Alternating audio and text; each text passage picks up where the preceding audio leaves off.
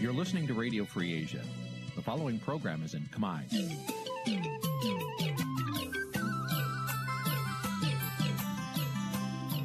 នេះជាកម្មវិធីផ្សាយ Vuthu Azizi Serai នេះជាកម្មវិធីផ្សាយរបស់ Vuthu Azizi Serai ជាភាសាខ្មែរ Vuthu Azizi Serai សូមស្វាគមន៍លោកអ្នកនាងទាំងអស់ពីរដ្ឋធានី Washington នៃសហរដ្ឋអាមេរិក បាទពីទីក្រុងមែលប៊នប្រទេសអូស្ត្រាលីខ្ញុំបាទថាថៃសូមជម្រាបសួរលោកនាងកញ្ញាទាំងអស់ដែលកំពុងតាមដានស្ដាប់ការផ្សាយរបស់វិទ្យុអាស៊ីសេរីយើងខ្ញុំសូមជូនកម្មវិធីផ្សាយសម្រាប់យប់ថ្ងៃពុធ11កើតខែពិសាឆ្នាំខាលចត្វាស័កពុទ្ធសករាជ2565ត្រូវនៅថ្ងៃទី11ខែឧសភាគ្រិស្តសករាជ2022បាទជាដំបូងនេះសូមអញ្ជើញលោកនាងស្ដាប់ព័ត៌មានប្រចាំថ្ងៃដែលមានមេត្តាដូចតទៅ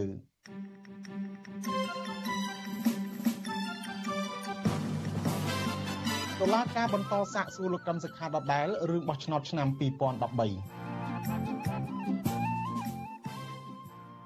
អ្នកវិភាគថាលោកហ៊ុនសែនអាចនឹងមិនទទួលផលចំណេញអ្វីដុំកំភួនពីកិច្ចប្រជុំកំពូលនៅអាមេរិក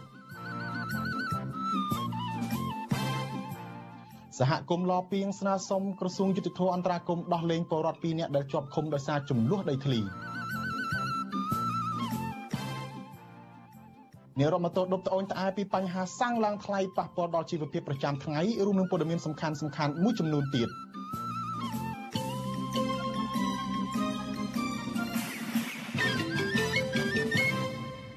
បាទជាដំបូងនេះជាបន្តទៅនេះសូមជូនព័ត៌មានពិស្ដាដូចតទៅបាទលោកនាងជាទីមេត្រីមេធាវីការពីក្តីលោកកឹមសុខាអះអាងថាតុលាការនៅតែបន្តចោទសួរលោកកឹមសុខាដដែលដដែលពាក់ព័ន្ធនឹងរឿងបោះឆ្នោតកាលពីឆ្នាំ2013 មេធាវីនិងមន្ត្រីសិទ្ធិមនុស្សយល់ថាវិធីរបស់តុលាការនេះធ្វើឲ្យសំណុំរឿងរបស់លោកកឹមសុខាកាន់តែអូសបន្លាយពេលនិងប៉ះពាល់ដល់សិទ្ធិរបស់លោកថែមទៀតបាទលោកនាងនឹងបានស្ដាប់ព័ត៌មាននេះនៅពេលបន្តិចទៀត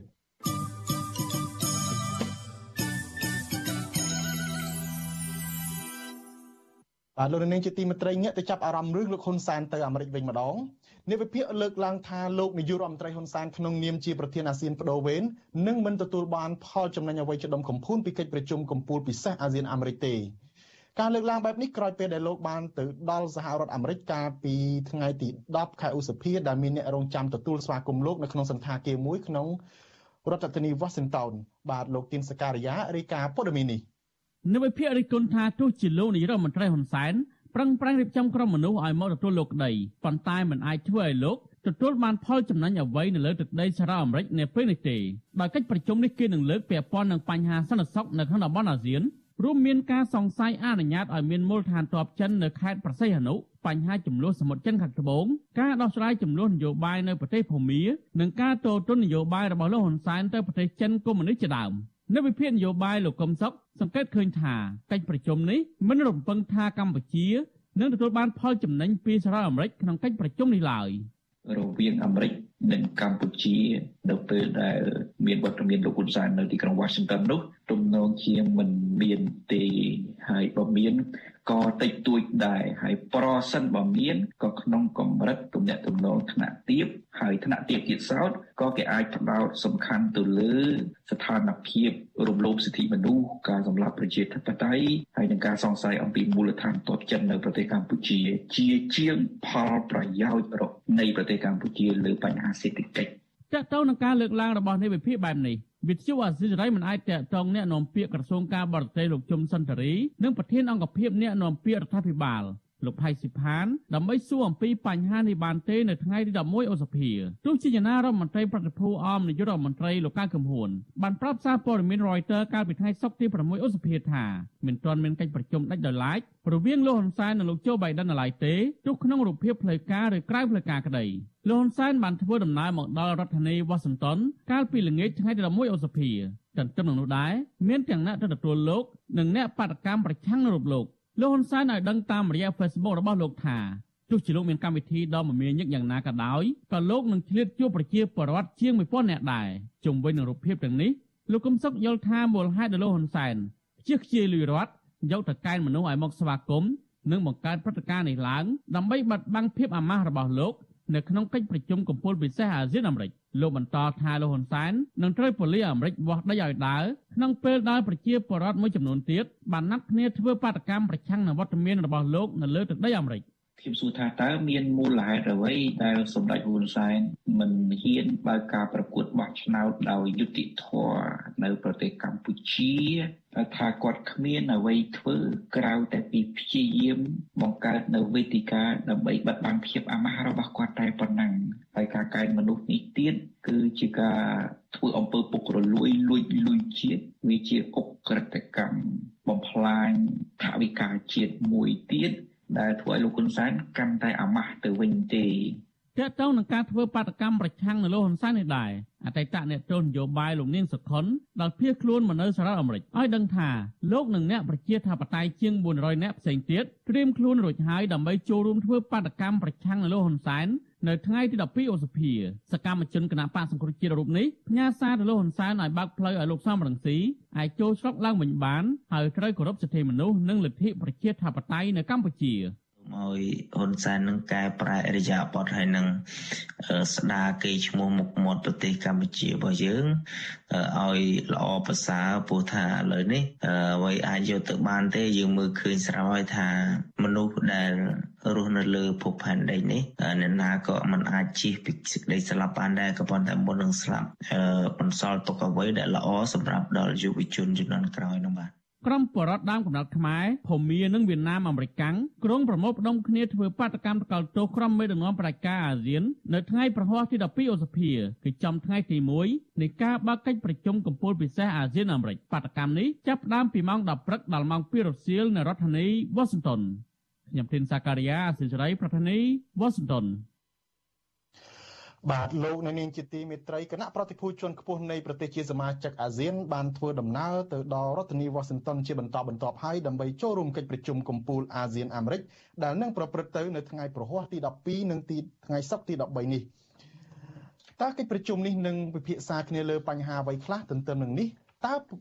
ពលរដ្ឋអាខ្មែរអាមេរិកកាំងដែលមានដើមកំណើតពីប្រទេសសមាទន្ទឹមនឹងនេះ ពលរដ្ឋអាមេរិកកាំងមានដើមកំណើតពីប្រទេសអាស៊ានមួយចំនួនក៏ក្រុងនឹងចូលរួមធ្វើបាតកម្មដែរតើក្រុមបាតកោនឹងមានសកម្មភាពបែបណាហើយតើពួកគេទាមទារអ្វីខ្លះបាទនៅពេលបន្តិចទៀតនេះលោកជុនច័ន្ទបុតនឹងមានរាយការណ៍ផ្ទាល់ជូនលោកនាងពីរដ្ឋធានី Washington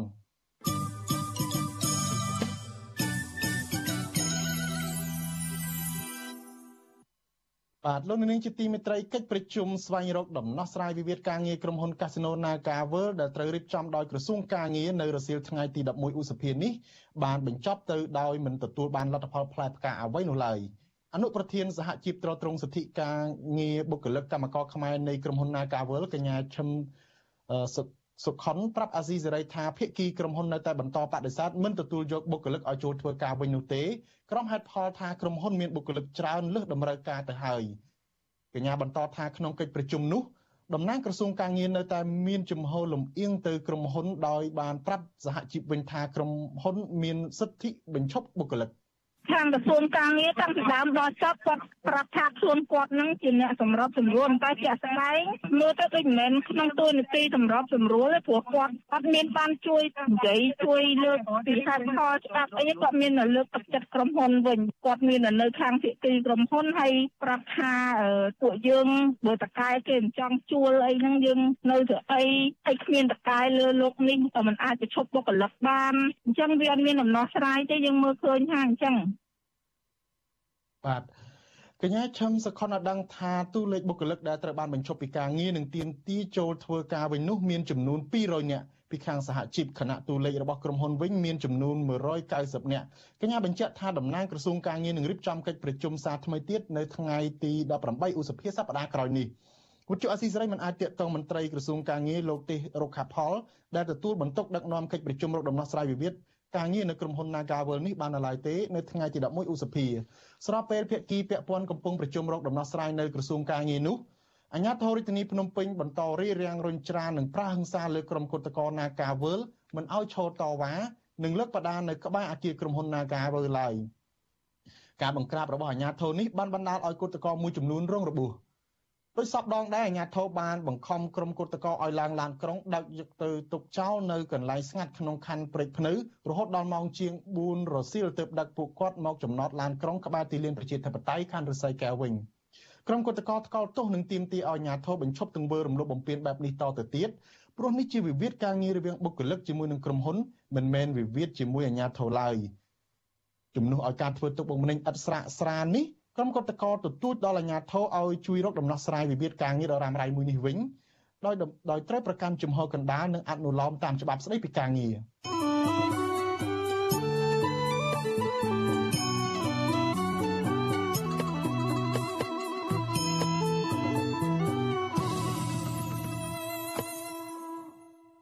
បាទលោកនាងជាទីមេត្រីងាកមកសំណុំរឿងក្តីក្តាមរបស់ប្រធានគណៈបកប្រឆាំងវិញម្ដងមេធាវីការពីក្តីឲ្យលោកកឹមសុខាអះអាងថាតុលាការនៅតែបន្តចោទសួរសំណួរដដែលដដែលពាក់ព័ន្ធនឹងរឿងបោះឆ្នោតកាលពីឆ្នាំ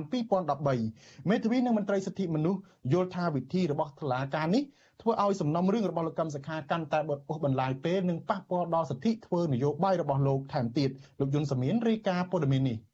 សាលាដំបងរាជធានីភ្នំពេញនៅថ្ងៃទី11ខែឧសភាបានបន្តសវនាការសំណុំរឿងប្រធានគណៈបកសង្គ្រោះជាតិលោកកឹមសុខាឡើងវិញ បន្ទាប់ពីផ្អាកកាលពីមួយសប្តាហ៍មុនសវនាការលើកទី39នេះតុលាការនៅតែបន្តចោទសួរលោកកឹមសុខាដោយលើកមុនមុនដែរពាក់ព័ន្ធនឹងការបោះឆ្នោតកាលពីឆ្នាំ2013សហមេធាវីមួយរូបរបស់លោកកឹមសុខាគឺអ្នកស្រីមេងសុភារីថ្លែងប្រាប់អ្នកសារព័ត៌មានក្រោយចេញពីតុលាការថា ក្នុងបន្ទប់សវនាការតុលាការមិនបានលើកឡើងពីការកោះហៅតំណាងរដ្ឋបរទេសដែលមេធាវីរដ្ឋាភិបាលចោទប្រកាន់ពាក់ព័ន្ធនឹងសំណុំរឿងលោកកឹមសុខានេះមកឆ្លើយបំភ្លឺនៅតុលាការនៅឡើយទេប៉ុន្តែអ្នកស្រីបញ្ជាក់ថាតំណាងអัยការនិងមេធាវីរដ្ឋាភិបាល បន្តសួរសំណួរជន់និងសំណួររបស់ចៅក្រមស៊ើបសួរពាក់ព័ន្ធទៅនឹងព្រឹត្តិការណ៍បោះឆ្នោតកាលពីឆ្នាំ2013 អ្នកស្រីយល់ថាតុលាការនិងមេធាវីដើមបណ្ដឹងមិនគួរសួរជជែកឬក៏កាយរឿងបញ្ហានៃការបោះឆ្នោតឆ្នាំ2013នេះមកចោទសួរលោកកឹមសុខាដដាលដដាលនោះទេព្រោះរឿងនេះគណៈបកកណ្ដាលអំណាចនិងគណៈបកប្រឆាំងបានចរចាផ្នែកនយោបាយដោះស្រាយរួចរាល់ហើយតាមរយៈវប្បធម៌សន្តានាកាលពីឆ្នាំ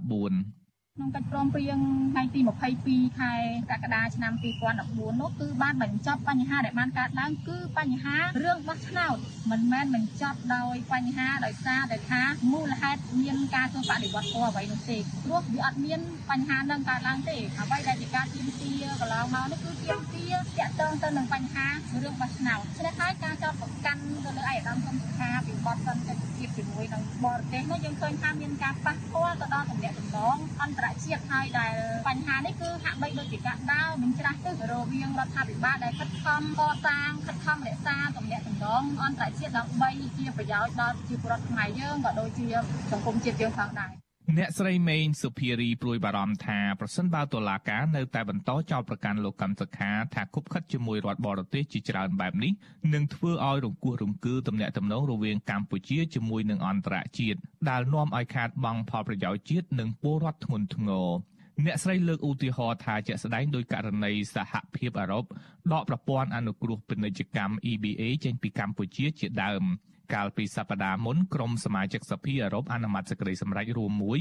ដើម្បីជំរុញឲ្យសហភាពអឺរ៉ុបទាំងមូលដែលមានប្រទេស27ជាសមាជិកដាក់សម្ពាធកាន់តែខ្លាំងលើរដ្ឋាភិបាលលោកហ៊ុនសែនឲ្យស្ដារលទ្ធិប្រជាធិបតេយ្យនិងការគោរពសិទ្ធិមនុស្សឡើងវិញនៅកម្ពុជា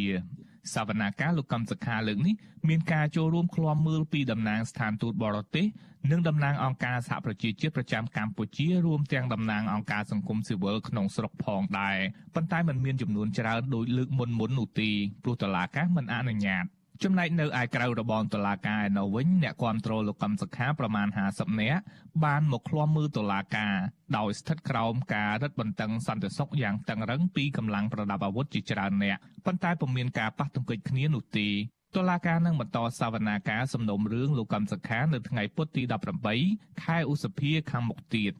នាយកទទួលបន្ទុកកិច្ចការទូតទៅនៃអង្គការលីកាដូលោកអំសំអាត មានប្រសាសន៍ថា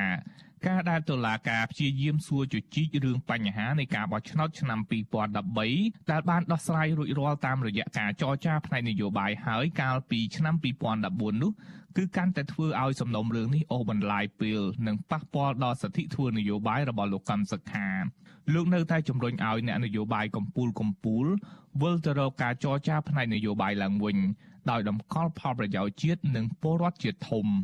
មកការបោះឆ្នោតក្រុមប្រឹក្សាគុំសង្កាត់នេះគឺវាខកខានទៅហើយដែលយើងមើលមិនឃើញថាអាយដាមកម្មសខាអាចនឹងវិលទៅធ្វើនយោបាយក្នុងការប្រកួតប្រជែងទេហើយបើបញ្ហានេះអូសបន្លាយទៅទៀតឆ្នាំ2023ក៏អាចនឹងរំលងផុតទៅទៀតអញ្ចឹងយើងដឹងហើយថាអាយដាមកម្មសខាគឺជាអ្នកនយោបាយអញ្ចឹងអ្វីដែលលោកចង់នោះគឺការចូលរួមធ្វើនយោបាយក្នុងការប្រកួតប្រជែងការបោះឆ្នោតដោយសេរីត្រឹមត្រូវនិងយុត្តិធម៌អញ្ចឹងអ្វីដែលសំខាន់ខ្ញុំថាករណីនេះបើសិនជាអ្នកនយោបាយខ្មែរទាំងអស់លោកវិលទៅរកវប្បធម៌នៃការសន្ទនាហើយមានការចរចាផ្នែកនយោបាយណាមួយកើតឡើងដោយបទពិសោធន៍កន្លងកន្លងមកកាលពីថ្ងៃអាទិត្យកន្លងទៅលោកកម្មសខាបានជួបជជែកជាមួយលោកហ៊ុនសែនរយៈពេល4ម៉ោងពេលលោកទៅចូលរួមបុណ្យសពបងប្រុសរបស់លោកហ៊ុនសែនលោកកឹមសុខាមិនបានបង្ហាញអំពីកិច្ចសន្ទនានោះលម្អិតទេដោយគ្រាន់តែបង្ហើបថាអ្នកទាំងពីរបានជជែកអំពីបញ្ហាប្រទេសជាតិនិងពលរដ្ឋខ្មែរ ភ្លាមភ្លាមឯកអគ្គរដ្ឋទូតអាមេរិកនិងឯកអគ្គរដ្ឋទូតសហភាពអឺរ៉ុបនិងឯកអគ្គរដ្ឋទូតអាល្លឺម៉ង់ប្រចាំកម្ពុជា បានទៅជួបលោកកឹមសុខាដែរដោយបានលើកឡើងអំពីបញ្ហាលំហប្រជាធិបតេយ្យនិងការទាមទាររោគយុតិធធនិងសេរីភាពសម្រាប់រូបលោកប៉ុន្តែប្រធានគណៈបកសង្គ្រោះជាតិរូបនេះបញ្ជាក់ថាជំនួបរបស់លោកជាមួយលោកហ៊ុនសែននិងជាមួយតំណាងរដ្ឋបរទេសជាមិត្តមិនទាន់បានបង្ហាញនៅលទ្ធផលនៃដំណោះស្រាយជាដុំកំភួននោះទេ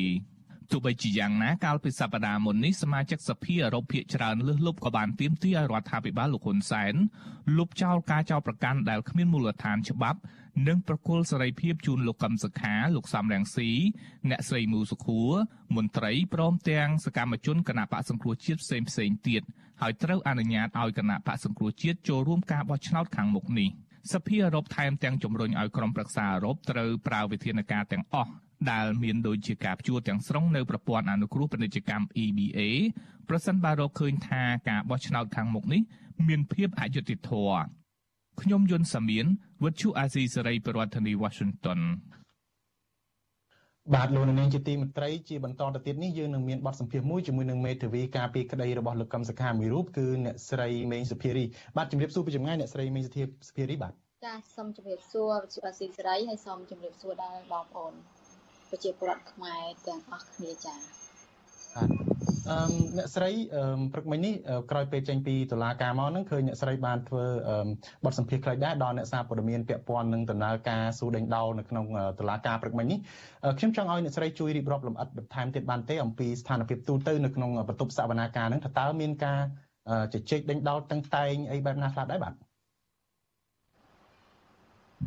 ចាព្រឹកមិញនេះគឺជា សវនាការលើកទី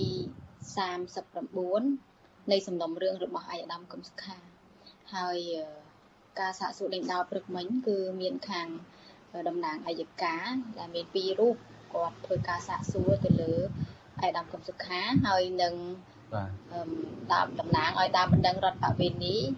ដែលមានមេធាវីចំនួនពីររូបដែរធ្វើការសាកសួរទៅលើអាយដាមកឹមសុខា ហើយសំណួរទាំងអស់នោះយើងឃើញថាគឺសួរពាក់ព័ន្ធទៅនឹងបញ្ជីឈ្មោះនៃបោះឆ្នោតការបោះឆ្នោតហើយនឹងទឹកខ្មៅលុបមិនជ្រះហើយក៏ដូចជាសំណួរមួយចំនួនដែលពាក់ព័ន្ធទៅនឹងអង្គការ Liga do ហើយនឹងអង្គការ Conference ផងដែរចាដែលហើយក៏មានសំណួរខ្លះទៀតហ្នឹងគឺតកតងទៅនឹងបាតកម្មបាទហើយសំណួរមួយចំនួននោះគឺអាយដាមកឹមសុខាគាត់បានធ្វើការឆ្លើយបញ្ជាក់រួចហើយកាលពីកាលពីមុនមុនដែលលោកចៅក្រមក៏ធ្លាប់បានសួរសំណួរមួយចំនួនដូចគ្នាទៅនឹងសំណួរដែលតំណាងបណ្ដឹងតំណាងដើមបណ្ដឹងរដ្ឋបវេនីបានសួរទៅលើកូនប្តីយើងខ្ញុំហើយក៏ដូចជាតំណាងអាយកាក៏បានសួរសំណួរដែលដូចគ្នាផងដែរសំណួរខ្លះហ្នឹងគឺដូចគ្នាទៅនឹងចៅក្រមដែលបានសាកសួររួចមកហើយចា៎បាទបាទ អឺអ្នកស្រីអាចជួយបញ្ជាក់ឈ្មោះអំពីឈ្មោះតំណាងអាយកានិងមេធាវីហ្នឹងពួកគាត់ឈ្មោះខ្លះដែរដែលដែលសួរសំណួរហ្នឹងបាទតំណាងអัยការនៅក្នុងសំណុំរឿងអាយដាមកុំសុខាបច្ចុប្បន្នយើងឃើញមាន3រូបប៉ុន្តែអ្នកដែលសាកសួរហ្នឹងគឺលោកក្លងសុផលចាហើយនឹងលោកមានលោកតំណាងអัยការម្នាក់ទៀតគាត់ឈ្មោះឆាយហុកចាបាទបាទហើយចំណែកមានពីគឺមាន 4រូបហើយមាន2រូបដែលគាត់ធ្វើការឡើងសាកសួរសំណួរមួយចំនួនទៅឯកឧត្តមកំសខាគឺអឺលោកមេធាវីលីច័ន្ទតុលាហើយនឹងលោកមេធាវីចេងពេញហាប់ចា៎បាទអ្នកស្រីហេតុអីបានជាពួកគាត់ស៊ូសំណួរដដែលដដែលនឹងគាត់អត់សូវយល់អត់បានស្ដាប់គ្នាស៊ូឬក៏មិនបានជាគាត់នៅចង់ស៊ូសំណួរដដែលដដែលឬក៏គាត់ចង់បានអីមួយពីលោកកឹមសុខាបាទ យើងខ្ញុំក៏អត់បានដឹង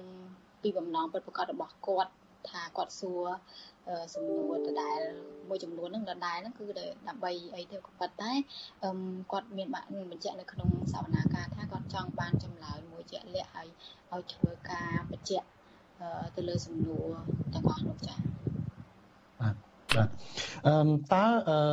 លោកកឹមសុខាមានបានឆ្លើយតបបែបម៉េចដែរទេបាទនៅក្នុងការសួរសំណួរទាំងអស់ហ្នឹងនៅពេលដែលសួរដដែលដដែលលោកមានប្រតិកម្មបែបណាដែរបាទ ចាអាយដាមកុំសុខាគាត់សំណួរខ្លះគឺគាត់អត់បានឆ្លើយទេដោយសារតែបានឆ្លើយហើយគាត់គ្រាន់តែជម្រាបថាសំណួរហ្នឹងគឺបានឆ្លើយរួចហើយហើយចំណែកឯសំណួរខ្លះទៀតគឺគាត់មិនបានឆ្លើយទេប៉ុន្តែគាត់បានលើកយកកិច្ចព្រមព្រៀងរវាងគណៈបកប្រជាជនកម្ពុជាហើយនិងគណៈបក្សសង្គ្រោះជាតិដែលបានធ្វើកាលពីឆ្នាំ2019ចាដោយសារនៅក្នុងកិច្ចព្រមព្រៀងគឺមានបានបញ្ជាក់ កិច្ចការមួយចំនួនដែលគណៈបកទាំងពីរត្រូវធ្វើការជាមួយគ្នាដើម្បីដោះស្រាយរកប្រយោជន៍សម្រាប់ប្រជាពលរដ្ឋនិងប្រទេសជាតិចាអញ្ចឹងអឺអាដាមកឹមសុខាគាត់ក៏បានបញ្ជាក់ដែរថា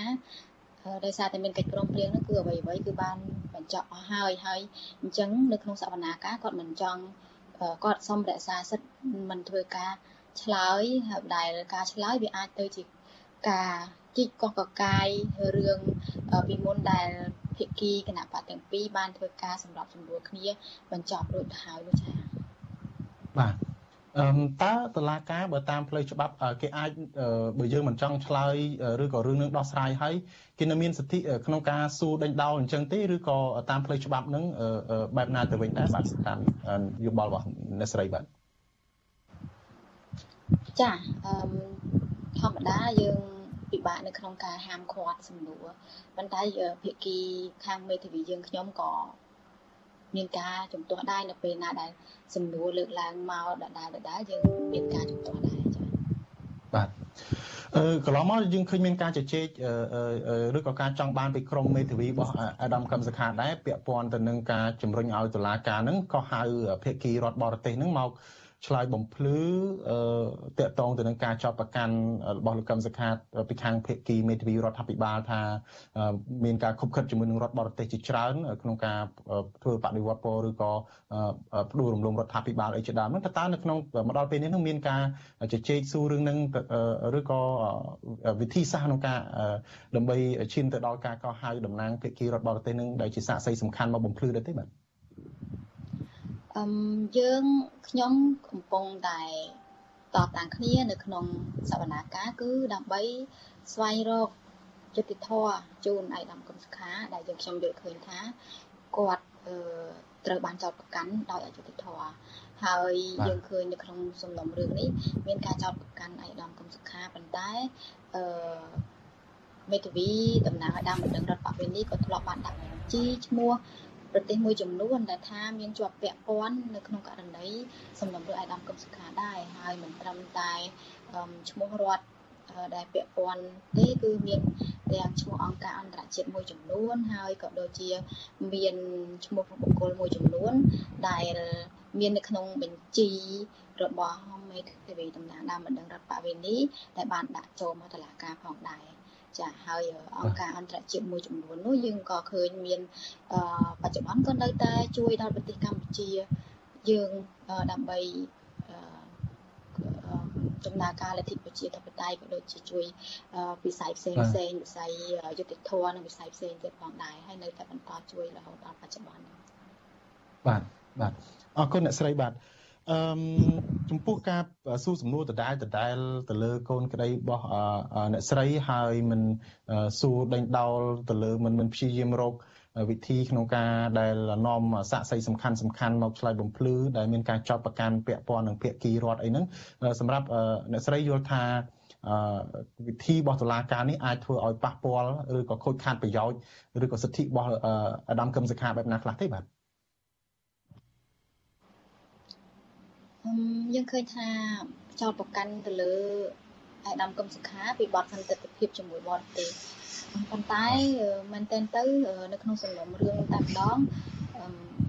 យើងមិនបានឃើញថាមានការចោទប្រកាន់ឲ្យចំទៅលើប្រទេសណានោះទេក៏ប៉ុន្តែមានមានឈ្មោះប្រទេសមួយចំនួនហ្នឹងគឺមាននៅក្នុងសំណុំរឿងហ្នឹងចាអញ្ចឹងយើងក៏ចង់ដឹងដែរថាតើ អាយដាមកឹមសុខាបានធ្វើការខុបខិតគ្នាជាមួយនឹងរដ្ឋបរទេសណាដើម្បីធ្វើការបំផ្លិចបំផ្លាញលទ្ធិជាតិធិបតេយ្យនៅក្នុងប្រទេសកម្ពុជាឬមួយក៏ចង់ធ្វើបដិវត្តពណ៌ឬមួយក៏នាំបរទេសណាមួយចង់មកឈ្លានពានបូរណភាពទឹកដីកម្ពុជាពួកយើងខ្ញុំក៏ចង់ដឹងដែរហើយអាយដាមកឹមសុខា ក៏គាត់បានបញ្ជាក់នៅក្នុងអង្គសវនាការហើយថាគាត់មិនដែលនាំបរទេសណាឲ្យមកឈ្លានពានប្រទេសកម្ពុជាដើម្បីបំផ្លាញផលប្រយោជន៍ប្រទេសកម្ពុជាទេក៏ប៉ុន្តែផ្ទុយទៅវិញតំណែងតំណងដែលកើតមានឡើងកន្លងមកគឺជាតំណែងតំណងស្របច្បាប់និងផ្លូវការដោយសារតែបរទេសទាំងទាំងអស់នោះគឺបានដាក់ទូតមានមាន ស្ថានទូតនៅប្រទេសកម្ពុជាដោយស្របច្បាប់ហើយចំណែកដែរអង្គការបរទេសក៏ជាអង្គការដែលបានចុះបញ្ជីស្របច្បាប់ហើយធ្វើកិច្ចការនៅក្នុងវិស័យតំណែងតំណងជាមួយគណៈបញ្ញយោបាយហើយមិនត្រឹមតែមានតំណែងតំណងជាមួយនឹងគណៈបកសង្គ្រោះជាតិទេអង្គការអន្តរជាតិមួយចំនួននោះក៏បានធ្វើការតំណែងតំណងជាមួយនឹងគណៈបកនៅក្នុងរដ្ឋាភិបាលក៏ដូចជាគណៈបកផ្សេងផ្សេងទៀតផងដែរចា៎បាទបាទអរគុណអ្នកស្រីបាទអឺ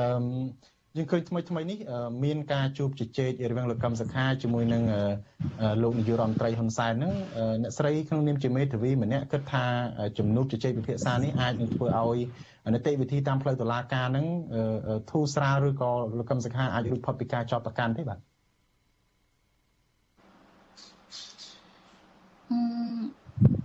ករណីនេះខ្ញុំមិនចង់ធ្វើការថាអធិប្បាយទេដោយសារតែ កិច្ចការនេះគឺមានលោកបតចន្ទាណាចាគាត់ជាអ្នកទទួលកិច្ចការធ្វើការឆ្លើយតបជាមួយអ្នកសារព័ត៌មានតទៅទៅនឹងចំនួនរវាងអាយដាមកុំសុខាជាមួយនឹងសម្ដេចខ្សែចាបាទអឺចុងក្រោយនេះអ្នកស្រីមានអ្វីចង់បាត់អឺចំពោះខ្ញុំខ្ញុំយល់ឃើញថារឿងតឡាការជារឿងតឡាការហើយក៏ប៉ុន្តែ ឆន្ទៈនយោបាយក៏គួរតែមានការចូលរួមរវាងពីគ្រប់ភាគីដើម្បីអាចស្វែងរកនៅដំណោះស្រាយមួយសម្រាប់ប្រទេសជាតិក៏ដូចជាប្រជាពលរដ្ឋយើងចា៎បាទបាទអ្នកស្រីគិតថាការដោះស្រាយសំណុំរឿងតាមនីតិវិធីតុលាការនេះ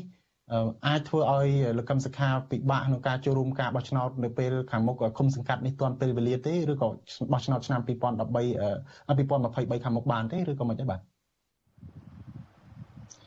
និយាយនេះគឺចូលជ្រៅទៅដល់រឿងការធ្វើនយោបាយបាយដាំគំសុខាចាអឺមែនតើទៅគឺយើងចង់ធ្វើការជជែកគ្នាតែករណីរបស់គាត់នៅក្នុងតុលាការទេប៉ុន្តែគ្រាន់តែខ្ញុំបានជម្រាបបានថារឿងបោះឆ្នោតគុំសង្កាត់នេះឥឡូវគឺគេដាក់បេក្ខជនហើយក៏បិទបញ្ជីបេក្ខជនហើយក៏នឹងត្រៀមឃោសនាក្នុងពេលខាងមុខនឹងរួចហើយអត់ដែរតាមព័ត៌មានដែលខ្ញុំបាន ស្ដាប់លើតាមរយៈសារព័ត៌មានពីស្ថាបកោចបមកចា៎បាទបាទអរគុណច្រើនអ្នកស្រីមានអ្វីចង់បន្ថែមទៀតទេតាក់ទងទៅនឹងសំណុំរឿងរបស់លោកកឹមសុខាពាក់ព័ន្ធនឹងបញ្ហាផ្លូវច្បាប់នេះបាទចំពោះសំណួរដែលខ្ញុំមិនទាន់បានសួរបាទ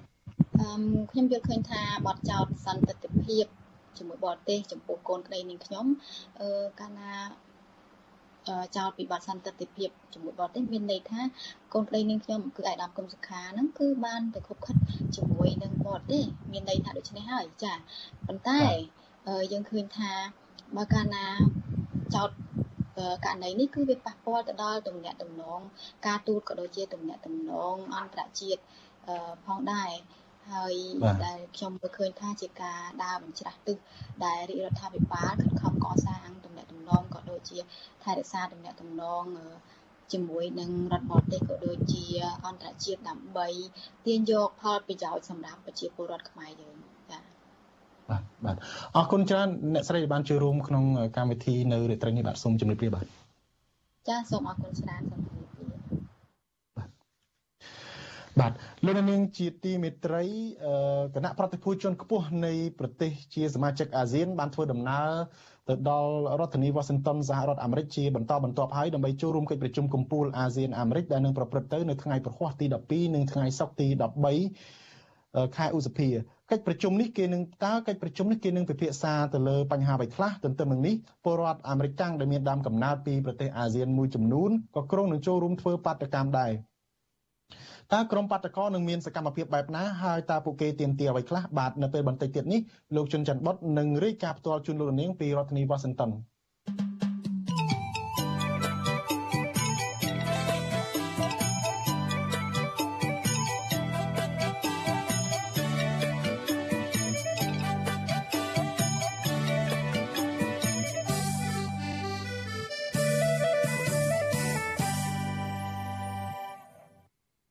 បាទលោកនាងជាទីមេត្រីឥឡូវនេះយើងងាកទៅចាប់អារម្មណ៍ព័ត៌មានចំនួនដីធ្លីវិញម្ដងអ្នកភូមិឡោពីង11នាក់តំណាងឲ្យ66គ្រួសារនៅឃុំតាចេះស្រុកកំពង់ត្រឡាចខេត្តកំពង់ឆ្នាំង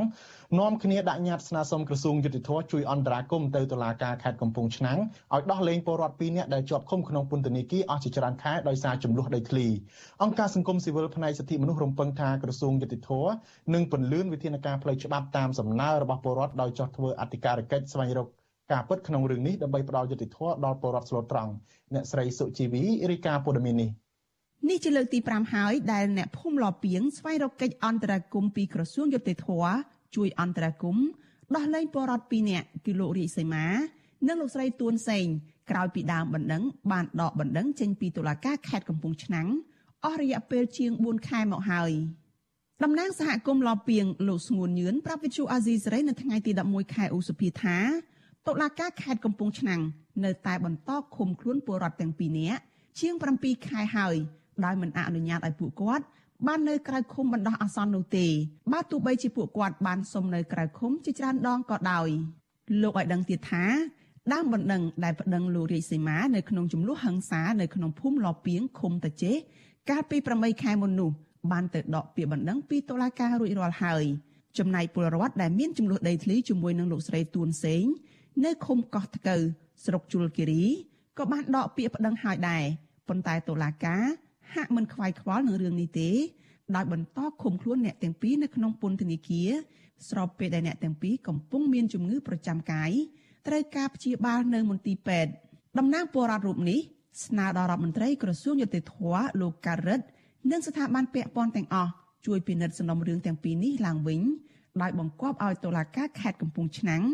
ដោះលែងបរតឲ្យមានសេរីភាពជួបជុំគ្រួសារវិញសំណពរទៅដល់ខាងតឡាការកំពង់ឆ្នាំងហ្នឹងមេតាគួរតែដោះលែងលោករាជសីមា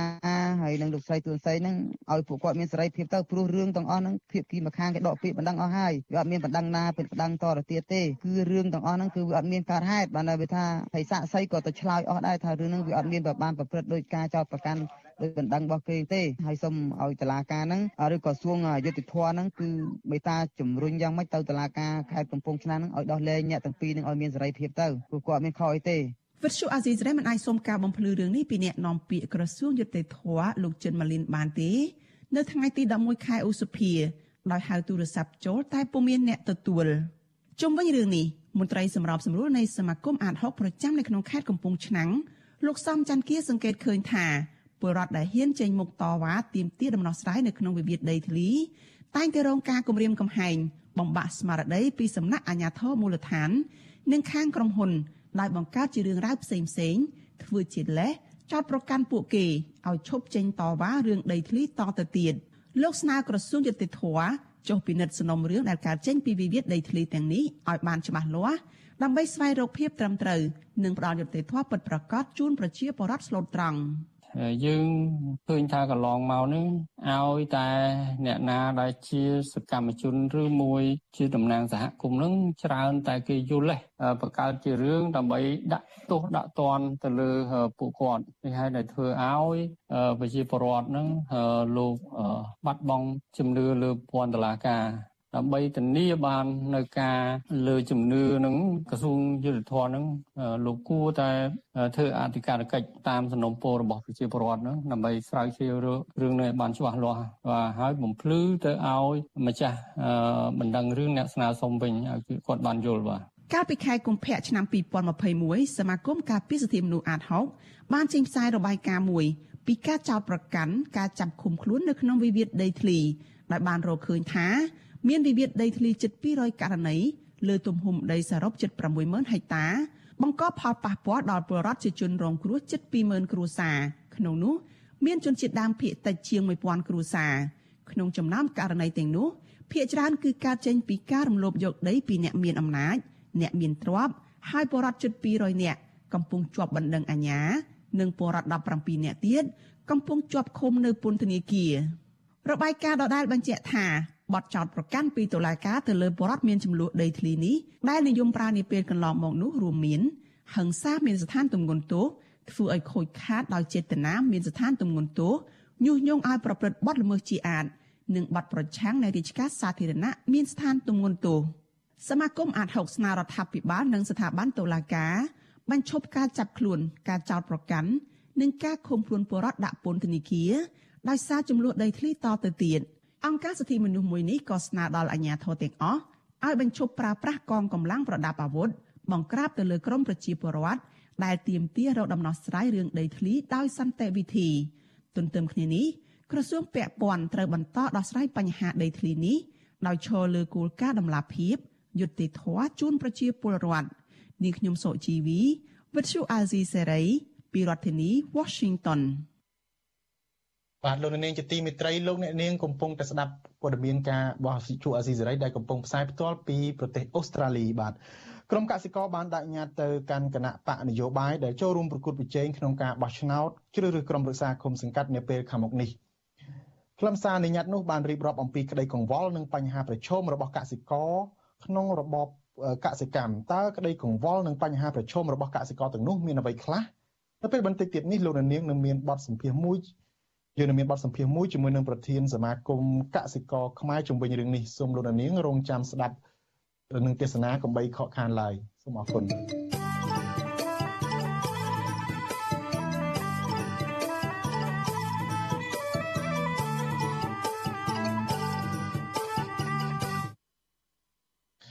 បាទលោកនាងជាទីមេត្រីជនជាតិថៃចំនួន5នាក់បន្ថែមទៀតត្រូវបានអាជ្ញាធរថៃសហការជាមួយនឹងសមត្ថកិច្ចកម្ពុជាជួយសង្គ្រោះពួកគេចេញពីកន្លែងធ្វើការខុសច្បាប់មួយកន្លែងនៅកម្ពុជាមន្ត្រីប៉ូលីសជនខ្ពស់របស់ថៃបញ្ជាក់ថាជនជាតិថៃទាំងនោះបានចាញ់បោកមេខ្យល់ជនជាតិចិននាំមកធ្វើការនៅក្នុងប្រទេសកម្ពុជាដោយខុសច្បាប់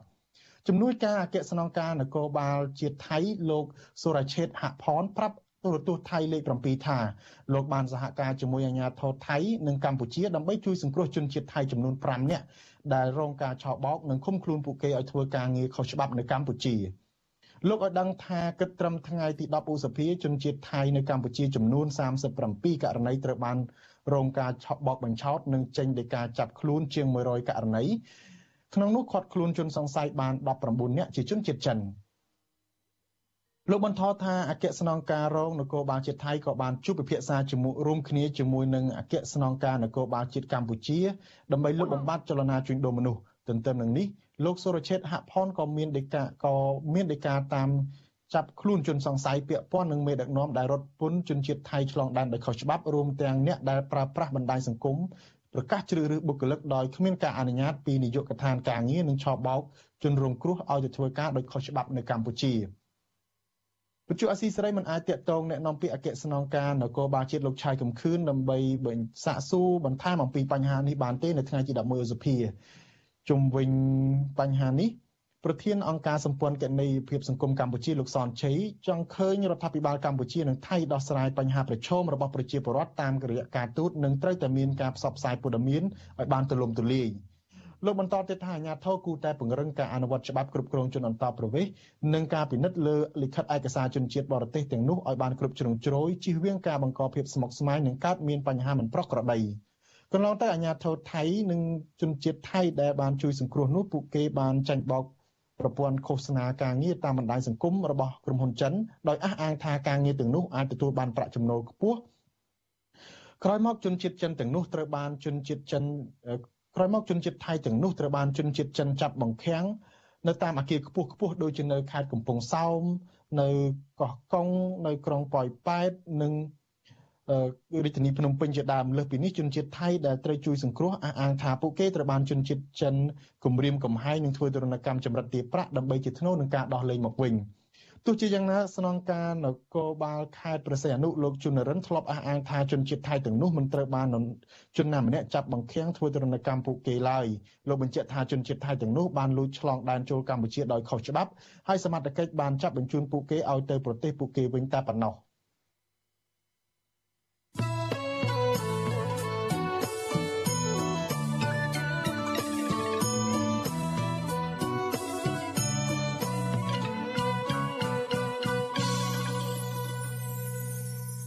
បាទលោកនាងជាទីមេត្រីជនជាតិដើមភាគតិចភ្នងរស់នៅខេត្តមណ្ឌលគិរី3នាក់ព្រួយបារម្ភពីបញ្ហាសុវត្ថិភាពផ្ទាល់ខ្លួនក្រោយពីមន្ត្រីអាវុធហត្ថខេត្តនេះបានកោះហៅពួកគាត់ឲ្យចូលបំភ្លឺទាក់ទិននឹងករណីចំនួនដីសមូហភាពមួយកន្លែងដែលអ្នកមានអំណាចម្នាក់រំលោភយកជិត100ហិកតាកាលពីឆ្នាំ2016ពួកគាត់អះអាងថាដើមមិនដឹងក្នុងសំណុំរឿងនេះគឺជាជនល្មើសនិងជាឈ្មោះមានអត្តពលធ្លាប់មានរឿងអាស្រូវច្រើនជាប់ពាក់ព័ន្ធនឹងការទិញដីសាធារណៈរបស់រដ្ឋនិងដីអភិរក្សរបស់ សហគមន៍ក្នុងខេត្តមណ្ឌលគិរីអ្នកស្រីម៉ៅសុធានីរាយការណ៍ព័ត៌មាននេះនេះជាលើកទី5ហើយដែលអ្នកភូមិលពៀ ជនជាតិដើមភាគតិចភ្នងទាំងនោះរស់នៅភូមិឡាយកាសង្កាត់សុកដុមក្រុងសែនមនោរម្យឲ្យដឹងថាពួកគាត់នឹងបង្ហាញខ្លួនឆ្លើយបំភ្លឺនៅ អង្គភាពកងរាជអាវុធហត្ថខេត្តមណ្ឌលគិរីនៅថ្ងៃទី19ខែឧសភាខាងមុខដោយមិនរត់គេចខ្លួននោះឡើយព្រោះថាសំណុំរឿងនេះអ្នកភូមិពុំបានប្រព្រឹត្តកំហុសដូចជាការចោទប្រកាន់នោះឡើយ តំណាងបរដ្ឋលោកស្រីផ្លឹកភិរមប្រាប់វិទ្យុអសីស្រីនៅថ្ងៃទី11ខែឧសភាថាពួកលោកស្រីតែងតែលើកគ្នាតវ៉ាទប់ស្កាត់សកម្មភាពឈូសឆាយប្រៃស្រោងដែលឈ្មោះម្នាក់ឈ្មោះទ្រឿងជុនបានរំលោភយកអស់70ហិកតាកាលពីជាង6ឆ្នាំមុន។ លោកស្រីបន្តថាឈ្មោះរូបនេះបានយកលិខិតស្នើសុំកាន់កាប់ដីធ្លីនិងលិខិតផ្ទេរសិទ្ធិដែលចុះហត្ថលេខាដោយមេភូមិនិងមេឃុំ មកសំអាងដើម្បីបំពេញដីសមូហភាពរបស់ពួកគាត់ ដែលស្ថិតនៅចំណុចអូចុងក្រាអស់ស្ទើរតែទាំងស្រុង។ លើពីនេះឈ្មោះរូបនេះក៏បានយកគ្រឿងចាក់ឈូសឆាយផ្ដួលដើមឈើតូចធំអស់រាប់ពាន់ដើមក្នុងបំណងកាន់កាប់ដីសមូហភាពនេះដែលអ្នកភូមិរាប់រយគ្រួសារបានអាស្រ័យផលជាយូរឆ្នាំមកហើយ។ ពួកខ្ញុំមិនទាន់បានទទួលយុទ្ធធម៌ម្ដងណាទេតាំងពីការពីប្រៃឈើនឹងតាព្រោះរហូតទៅបំភ្លឺតុលការរហូតទៅខាត់ពេលវេលាជាច្រើនទៅបាត់ប្រៃផងការពីប្រៃផងទៅការទៅទៅតុលាការទៀតអញ្ចឹងសំអត់អ្នកដែលការពីប្រៃឈើរបស់រដ្ឋនឹងតែងតែរងគ្រោះដោយសារតាការការពីរបស់រដ្ឋ កាលពីដើមខែសុភាកន្លងទៅមន្ត្រីកងរាជអាវុធហត្ថខេត្តមណ្ឌលគិរីលោកឯងចំណាប់បានចេញលិខិតក៏ហៅជនជាតិដើមភ្នង3នាក់គឺលោកស្រីផ្លឹកភិរមលោកស្រីផ្លឹកណារី និងលោកស្រីខ្លាងទុំឲ្យចូលខ្លួនទៅបំភ្លឺនៅថ្ងៃទី19ខែឧសភាខាងមុខពាក់ព័ន្ធបទចោតមិនគោរពនៃការសម្រេចគំរាមសម្លាប់ប្រាហង្សាទៅលើអ្នកកាន់កាប់អចលនវត្ថុអ្នកដតីនិងបទកំហែងយក លិខិតកោះហៅនេះគឺផ្អែកតាមចំណារបស់បរិយាញ្ញារងខេត្តមណ្ឌលគិរីលោកមុំបណ្ដាក្រោយពីមានបណ្ដឹងពីឈ្មោះម្នាក់ឈ្មោះទ្រឿងយុនភេទស្រីអាយុ62ឆ្នាំរស់នៅរាជធានីភ្នំពេញលោកស្រីផ្លឹកភិរមបន្ថែមថាដីមានចំនួននេះ គឺជាដីសមរភាពរបស់អ្នកភូមិឡៅកាដែលមានទំហំស្របជាង100ហិកតាហើយដែលឈ្មោះរូបនេះធ្លាប់អះអាងថាគាត់បានទិញដីនេះទំហំ70ហិកតាពីអ្នកភូមិផ្សេងទៀតប៉ុន្តែมันបានប្រាប់ឈ្មោះអ្នកទិញនោះឡើយលោកស្រីបន្តថាបច្ចុប្បន្នដីនេះអ្នកភូមិបានសង់ខ្ទមតូចតូចជាច្រើនដើម្បីដាក់វេនគ្នាដេកយាមការពារនិងធ្វើចំការបែបប្រពៃណីជនជាតិដើម លោកស្រីបន្ថែមថាកន្លងទៅអ្នកភូមិធ្លាប់ប្តឹងឈ្មោះរូបនេះទៅតុលាការនិងអាជ្ញាធរមូលដ្ឋានខេត្តមណ្ឌលគិរី ពីបទរំលោភយកដីសមូហភាព និងឈូសឆាយព្រៃឈើទំហំ10ហិកតាប៉ុន្តែរហូតមកដល់ពេលនេះគ្មានចំណាត់ការពីអាជ្ញាធរនោះឡើយអាសញ្ញេដោយមេភូមិមេឃុំនឹងជាមួយនឹងអ្នកលក់តែអ្នកលក់នឹងមិនដឹងអ្នកណាទេយើងអត់ដឹងអ្នកលក់អានេះជាប្លង់របស់គេព្រៃស្រោព្រៃអាស្រ័យផលហ្នឹង10ហិកតាគេឈូសអញ្ចឹងណា វិទ្យុអសីស្រីនៅមិនទាន់អាចតាក់ទងសុំការបំភ្លឺរឿងនេះពីបរិយាអាញារងនិងជាអ្នកនាំពាក្យអាយកាខេត្តមណ្ឌលគិរីលោកមុំបណ្ដាបាននៅឡើយទេ នៅថ្ងៃទី11ខែឧសភា ដោយទូរស័ព្ទហៅចូលជាច្រើនដង តែគ្មានអ្នកលើកចំណែកអាដាមមិនដឹងអ្នកត្រីទ្រឿងយន្តក៏វិជ្ជាស៊ីស្រីនៅមិនទាន់អាចតាក់ទងបានដែរនៅថ្ងៃដដែលនេះរីឯចៅសង្កាត់សុកដុមលោកពៅសុផាត បដិសេធមិនឆ្លើយបំភ្លឺរឿងនេះដែលលោកថាហួសពីភារកិច្ចរបស់អាជ្ញាធរឃុំលោកបន្តថាទំនុំរឿងនេះកំពុងស្ថិតក្នុងដៃរបស់តុលាការខ្ញុំអត់ដឹងទេព្រោះនេះគេចូលតឡាការឲ្យមានសិទ្ធិនៅក្រុមខ្ញុំទេណាព្រោះជំរាបប៉ុណ្្នឹងហ្មងទីប្រឹក្សាបណ្ដាញសហគមន៍ជនជាដើមភាគតិចភ្នងលោកគ្រឿងដុល្លារស៊ើបដឹងថាដើមមិនដឹងក្នុងសំណុំរឿងនេះ គឺមានរឿងអាស្រ័យជាច្រើនដែលទិញដីព្រៃអភិរក្សនិងទិញដីសាធារណៈរបស់រដ្ឋទៅខុសច្បាប់ជាច្រើនកន្លែង ក្នុងខេត្តមណ្ឌលគិរីលោកក៏បានទាមទារអាជ្ញាធរគួរតែស៊ើបអង្កេតរឿងនេះឲ្យបានច្បាស់លាស់ដើម្បីផ្ដល់យុត្តិធម៌ជូនដល់ប្រជាពលរដ្ឋលោកប្រមានថាពួកលោកនឹងលើកគ្នាតវ៉ាទ្រង់ទ្រាយធំបើសិនបើសមត្ថកិច្ចនិងតុលាការឃុំខ្លួនពលរដ្ឋទាំងនោះ។ យកអាកងកម្លាំងហ្នឹងមកដាក់យកតឡាការហ្នឹងជាអ្នកជាអ្នកបំផិតបំភ័យអញ្ចឹងមានន័យថារូបភាពហ្នឹងវាជារូបភាពដដែលដដែលទេអាក្រុមដើរលួចឲ្យឆក់ដីរបស់រដ្ឋចាប់ដើមហើយគាត់ចាប់ដើមដើរប្តឹងដើរអីអ្នកការពារអ្នកអីអញ្ចឹងណាមន្ត្រីពង្រឹងសិទ្ធិអំណាចសហគមន៍មូលដ្ឋាននៃសមាគមអាតហុកលោកប៉ែនបណ្ណាយល់ថាសំណុំរឿងនេះ គឺមានភាពមិនប្រក្រតីច្រើន បង្កើតភាពអយុត្តិធម៌និងធ្វើបាបជនជាតិដើមភាគតិច ដែលលះបង់ការពារប្រយោជន៍ជាតិលោកថាអាញាធរភូមិឃុំគ្មានសិទ្ធិចេញលិខិតផ្ទេរសិទ្ធិកាន់កាប់ដីធ្លីបំពេញដីអភិរក្សហេតុនេះអាញាធរខេត្តគួរតែស៊ើបអង្កេតរឿងនេះឲ្យបានច្បាស់លាស់ដើម្បីដោះស្រាយប្រកបដោយតម្លាភាពនិងយុត្តិធម៌ ដីព្រៃសមរភាពភូមិឡាយកាស្ថិតនៅចំណុចអូចុងក្រាក់នៃភូមិឡាយកាសង្កាត់សុកដុមក្រុងសែនមនោរមមានទំហំទ្រព្យជាង100ហិកតាហើយដែលអ្នកភូមិរាប់រយគូសាអាស្រ័យផលធ្វើស្រែចម្ការបែបប្រពៃណីជាច្រើនឆ្នាំមកហើយ ព្រៃអភិរក្សនេះមានទឹកផុសធម្មជាតិមួយកន្លែងអំណោយផលក៏ប្រសើរឲ្យអ្នកភូមិជាង100គ្រួសារប្រើប្រាស់ប្រចាំថ្ងៃនិងស្រោចស្រពដំណាំកសិកម្មគ្រប់រដូវកាល។អ្នកភូមិថាកន្លងទៅពួកគាត់ធ្លាប់ស្នើសុំអាជ្ញាធរជំនាញចុះបញ្ជីដីសមូហភាពនេះពីលើកមកហើយក៏ប៉ុន្តែពុំទទួលបានលទ្ធផលនោះឡើយចាននាងខ្ញុំម៉ៅសុធានីវិទ្យុអាស៊ីស្រីប្រធានាធិបតី Washington បាទលោកនាងជាទីមេត្រីគណៈប្រតិភូជនខ្ពស់នៃប្រទេសជាសមាជិកអាស៊ាន បានធ្វើដំណើរទៅដល់សហរដ្ឋអាមេរិកហើយដើម្បីចូលរួមកិច្ចប្រជុំកំពូលអាស៊ានអាមេរិកដែលនឹងប្រព្រឹត្តទៅនៅថ្ងៃប្រហ័សទី12និងថ្ងៃសុក្រទី13ខែឧសភាតើកិច្ចប្រជុំនេះគេនឹងពិភាក្សាអំពីបញ្ហាអ្វីខ្លះហើយទន្ទឹមនឹងនេះពលរដ្ឋអាមេរិកកាំងដែលមានដើមកំណើតពីប្រទេសអាស៊ានមួយចំនួនក៏គ្រោងនឹងចូលរួមធ្វើបាតុកម្មដែរ តើក្រុមបាតកោនឹងមានសកម្មភាពបែបណាហើយតើពួកគេទៀមទាអ្វីខ្លះបាទជាបន្តទៅទៀតនេះខ្ញុំសូមប្រកល់នេតិជូនលោកជុនច័ន្ទបតរាយការណ៍ផ្ទាល់ជូនលោកនាងពីរដ្ឋធានី Washington ជំរាបសួរលោកជុនច័ន្ទបតបាទបាទជំរាបសួរថៃសុខសប្បាយជាទេបាទខ្ញុំសុខសប្បាយហើយ ប៉ុន្តែរៀងឯកោដោយនឹករលឹកលោកជាខ្លាំងព្រោះលោកបានមកជួយរៀបចំ studio ឲ្យខ្ញុំធ្វើការពីទីនេះទៅហើយបន្ទាប់មកក៏ចាក់ចេញទៅទុកឲ្យខ្ញុំនៅម្នាក់ឯងរៀងឯកោបន្តិចបាទអីចូលបានឯករាជ្យម្នាក់ឯងហើយមិនល្អហើយអាកាសបាទអាកាសធាតុចាប់ផ្ដើមត្រជាក់ឯមែនទេនៅអូស្ត្រាលីជាទូទៅអាកាសធាតុផ្ទុយនឹងសហរដ្ឋអាមេរិកបើខែនេះរៀងក្តៅខែនោះចាប់ផ្ដើមត្រជាក់ ត្រជាក់ប៉ុណ្ណាដែរទេធ្លាប់នឹងអាកាសធាតុត្រជាក់នៅអឺបាទលោកជុនច័ន្ទបុតឥឡូវនេះតិចបាទមួយរយៈចុងក្រោយនេះក្រោយពេលដែលលោកជុនច័ន្ទបុតចាក់ចេញទៅនឹងគឺថាអាកាសធាតុប្រែប្រែមកតិចខ្លាំងម្ដងដោយសម្រាប់ខ្ញុំរៀងថ្មីបន្តិចហាក់ដូចជាពិបាកដែរគឺថាធ្លាក់ថ្ងៃខ្លះហ្នឹងចុះមកនៅសល់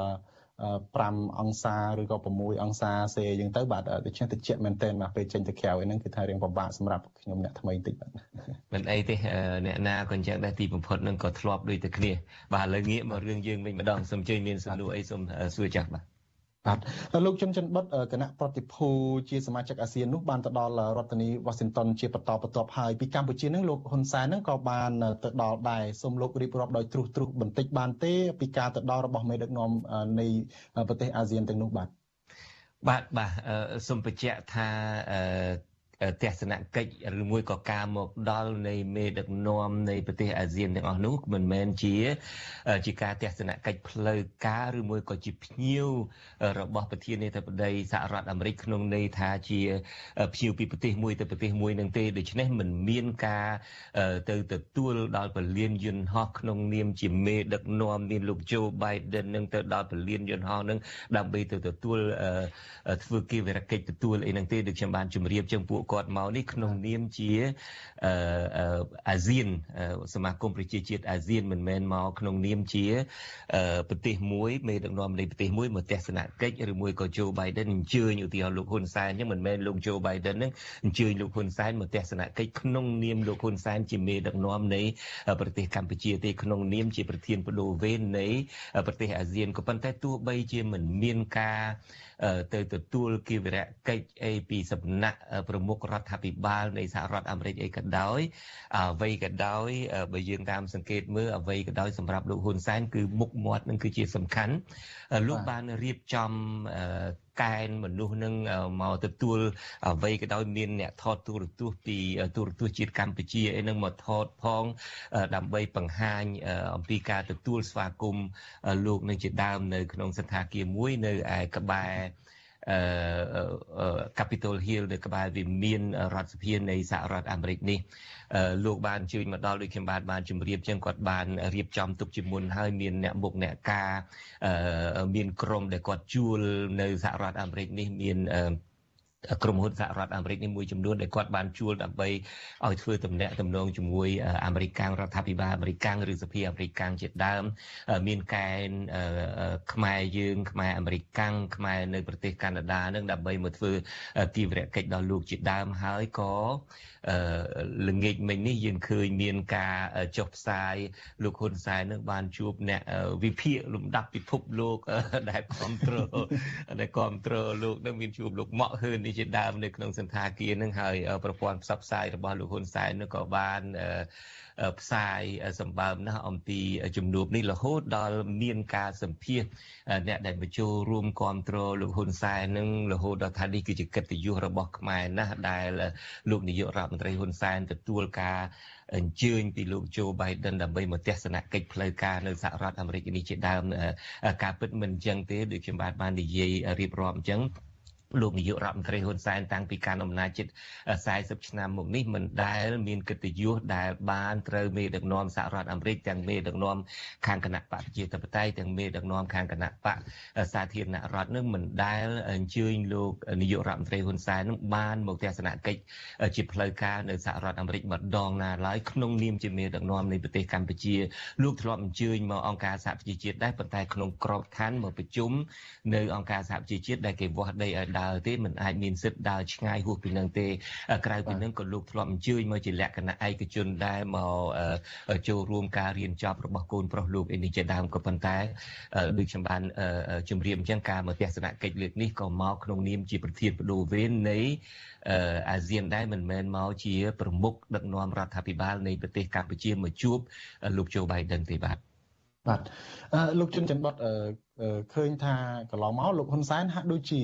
រិះគន់អាមេរិកខ្លាំងណាស់ហើយសរសើរតែចិនណាបាទជាប់នឹងមាត់របស់លោកវ័យបហាអាមេរិករហូតអីចឹងទៅលោកមិនពេញចិត្តទេប៉ុន្តែដល់ពេលឥឡូវនេះលោកធ្វើដំណើរទៅសហរដ្ឋអាមេរិកហ្នឹងលោកហាក់ដូចជារំភើបខ្លាំងណាស់ទប់ចិត្តមិនបានគឺថាយើងឃើញលោកតែងតែថតផុសលើ Facebook តាំងពីចេញដំណើរទៅនឹងគឺថាលោក សំបីតែបនសពរបស់លោកនឹងគឺថាលោកចាក់ចេញទៅនឹងលោកប្រម៉ូតរហូតពីតាំងពីជិះយន្តហោះកលឹងផ្ទះបនសពរបស់ប្រុសរបស់លោកហើយទៅដល់កូរ៉េក៏លោកផុសទៅដល់អាមេរិកនឹងផុសបន្តបន្ទាប់សឹងថាมันបានគេងมันបានអីទេហើយបានជាលោកហ៊ុនសែនលោកហាក់ដូចជារំភើបខុសពីទៅប្រទេសផ្សេងផ្សេងលោកក៏មិនសូវបង្ហាញអីប៉ុណ្ណឹងទេបាទ ប្រកាសណាស់ប្រព័ន្ធឃោសនារបស់លោកហ៊ុនសែនផ្ទាល់ទាំងលោកហ៊ុនសែនផ្ទាល់ក៏ក៏អញ្ចឹងដែរហើយមិនមែនតែលោកហ៊ុនសែនទេប្រមុខដឹកនាំរដ្ឋាភិបាលប្រទេសមួយចំនួននឹងការដែលបានមកដល់សហរដ្ឋអាមេរិកការដែលបានមកជួបលោកโจ Biden នឹងគឺជារឿងដែលមុខមាត់សម្បើមណាស់ដើម្បីយកទៅថតដើម្បីយកទៅបង្ហាញដូចខ្ញុំបានបានជម្រាបពីខាងដើមរហូតដល់មានការកលៃថានេះគឺជាកិត្តិយសរបស់លោកនាយករដ្ឋមន្ត្រីហ៊ុនសែនដែលបានមកជួប លោកប្រធានាធិបតីនៃសហរដ្ឋអាមេរិកឯនឹងជាដើមប៉ុន្តែពីផ្នែកខាងសហរដ្ឋអាមេរិកវិញក៏គេមានការប្រយ័ត្នប្រយែងណាស់ដើម្បីកុំឲ្យមេដឹកនាំទាំងអស់នោះឆក់ឱកាសនេះដើម្បីយកទៅបោកប្រាស់ប្រជាពលរដ្ឋខ្លួនដូច្នេះសូម្បីតែការរៀបចំកិច្ចប្រជុំនឹងក៏ដោយចុះនេះតែសូមបើកវងកញ្ចក់បន្តិចនេះគឺជាកិច្ចប្រជុំកំពូលពិសេសរវាងសហរដ្ឋអាមេរិកហើយនិងអាស៊ានលើកទី2ហើយយើងគួរបន្ថែមពាក្យថាពិសេសមួយពីព្រោះថាកិច្ចប្រជុំកំពូលនឹងតែងតែមានជាញឹកញាប់ទេរវាងសហរដ្ឋអាមេរិកហើយនិងបណ្ដាប្រទេសអាស៊ាននឹងក៏ប៉ុន្តែ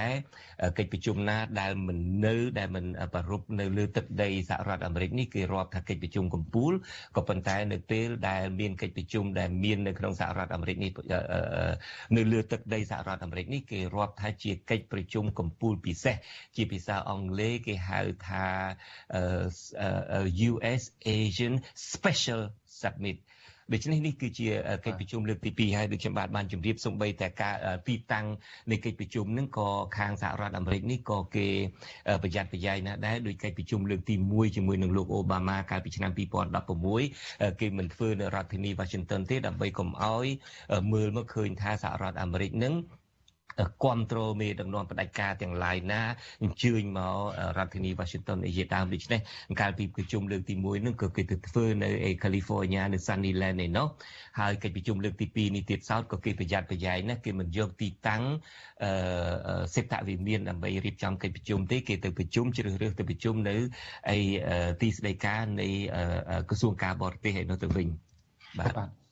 លោកជុនច័ន្ទបុតមួយទៀតខ្ញុំចង់ដឹងតកតងទៅនឹងបញ្ហាមេដឹកនាំដូចថាគេប្រយ័ត្នប្រយែងយ៉ាងណាក៏ដោយទីបំផុតលោកហ៊ុនសែននៅតែឆ្លៀតឱកាសបានបាទលោកបានជួបជាមួយនឹងប្រជាពលរដ្ឋអីបន្តបន្ទាប់អ្នកលេង Facebook អ្នកវិភាគតាម Facebook ហ្នឹងលោកជួបអីចឹងទៅមេដឹកនាំប្រទេសផ្សេងផ្សេងអីទៀតហ្នឹងតើតើគេមានឱកាសអីតនេដោយលោកនាយករដ្ឋមន្ត្រីដែរទេថាអាចជួបពលរដ្ឋរបស់ខ្លួនអីអញ្ចឹងបានដែរទេបាទពីព្រោះជាកិច្ចប្រជុំកំពូលពិសេសផងបាទហើយលោកមានពេលវេលាច្រើនសម្រាប់ជជែកសម្រាប់ពិភាក្សាជាមួយនឹងមនុស្សដែលគ្រប់គ្រងឬក៏លើកជើងលោកអីចឹងបាទបាទការដែលបង្ហាញនេះយើងសង្កេតមើលទៅឃើញមានតែលោកហ៊ុនសែនទេក្នុងចំណោមមេដឹកនាំដទៃទៀតនឹងមកហាក់ដូចជាស្ងាត់ស្ងាត់ទេដូចខ្ញុំបាទបានជម្រាបចឹងមានតែខាងប្រមុខរដ្ឋាភិបាលទេដែលត្រូវការចំណាយពេលវេលាចំណាយ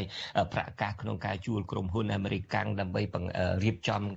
បដិសន្ធារកិច្ចនេះដើម្បីថតដាក់ទូរទស្សន៍អីជាដើមមេដឹកនាំនៃប្រទេសដទៃទៀតក៏មិនបានធ្វើបែបនេះទេឆ្លៀតឱកាសនេះដែរខ្ញុំបានក្រុមហេតុតែពេលវេលាវាខ្លីណាស់ទៅហើយនៅមានរឿងជជែកច្រើនទៀតកិច្ចកិច្ចប្រជុំនេះមិនបានមកទាំងអស់ទេទាំងប្រធានប្រធានាធិបតីឬមកប្រមុខដឹកនាំរដ្ឋាភិបាលនៃប្រទេសទាំង10នោះទេមានប្រទេសពីរទៀតមិនបានចូលរួមទេប្រទេសដែលមិនបានចូលរួមទី1នោះគឺប្រទេសហ្វីលីពីនលោកដឹងហើយនៅហ្វីលីពីនកំពុងតែមានការបោះឆ្នោតផ្លាស់ប្ដូរមេដឹកនាំដូច្នេះមេដឹកនាំចាំផ្ទះគឺលោក Rodrigo Duterte នឹងមិនបានចូលរួមមកទេអានឹងគឺ ជាជំរឿសរបស់គាត់ដែលសារថាមានការផ្ដាស់ប្ដូរមេដឹកនាំតាមរយៈការបោះឆ្នោតរវល់បោះឆ្នោតដែលជាដើមក៏ប៉ុន្តែដោយឡែកមេដឹកនាំយោធានៃប្រទេសភូមាមិនត្រូវបានទទួលការអញ្ជើញឲ្យមកចូលរួម